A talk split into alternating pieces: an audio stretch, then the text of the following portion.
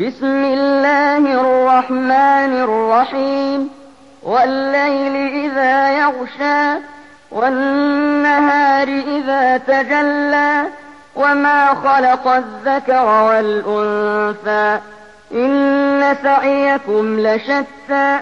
فأما من أعطى واتقى وصدق بالحسنى فسنيسره لليسرى.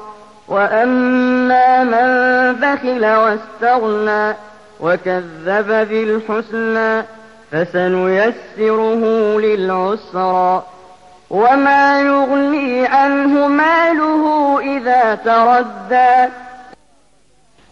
అనంత కరుణామయుడు అపార కృపాశీలుడు అయిన అల్లాహ్ పేరుతో ప్రారంభిస్తున్నాను ఆవరించినప్పటి రాత్రి సాక్షిగా ప్రకాశించునప్పటి పగలు సాక్షిగా మగ ఆడజాతుల్ని సృష్టించినవాడు సాక్షిగా.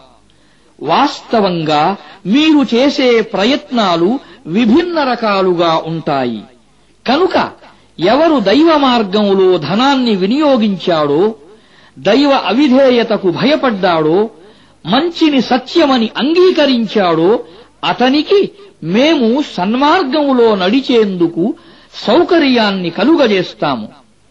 ఎవరు పిశినారితనం వహించాడో దేవుని పట్ల నిర్లక్ష్య వైఖరి అవలంబించాడో పైగా మంచిని తృణీకరించాడో అతనికి మేము కఠిన మార్గంలో నడిచేందుకు సౌకర్యాన్ని కలుగజేస్తాము.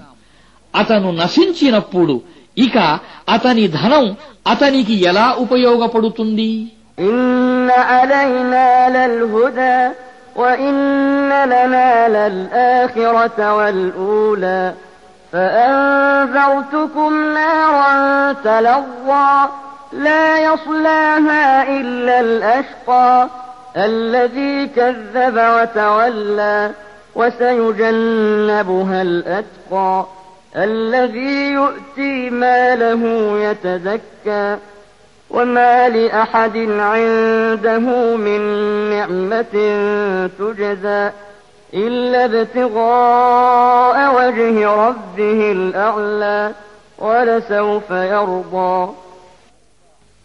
నిస్సందేహంగా సన్మార్గం చూపవలసిన బాధ్యత మాపై ఉంది వాస్తవానికి పరలోకం ఇహలోకం రెండింటికి మేమే యజమానులం కనుక నేను మిమ్మల్ని ప్రజ్వలించే అగ్నిని గురించి హెచ్చరించాను.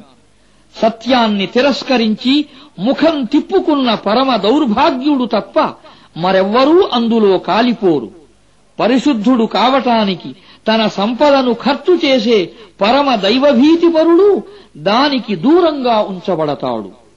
అతనికి ఎవ్వరూ ఏ విధమైన ఉపకారం చేయలేదు. దానికి అతను బదులు తీర్చేందుకు. అతను కేవలం మహోన్నతుడైన తన ప్రభువు ప్రసన్నతను పొందటానికి మాత్రమే ఈ పని చేస్తున్నాడు. ఆయన తప్పకుండా అతడంటే సంతోషిస్తాడు.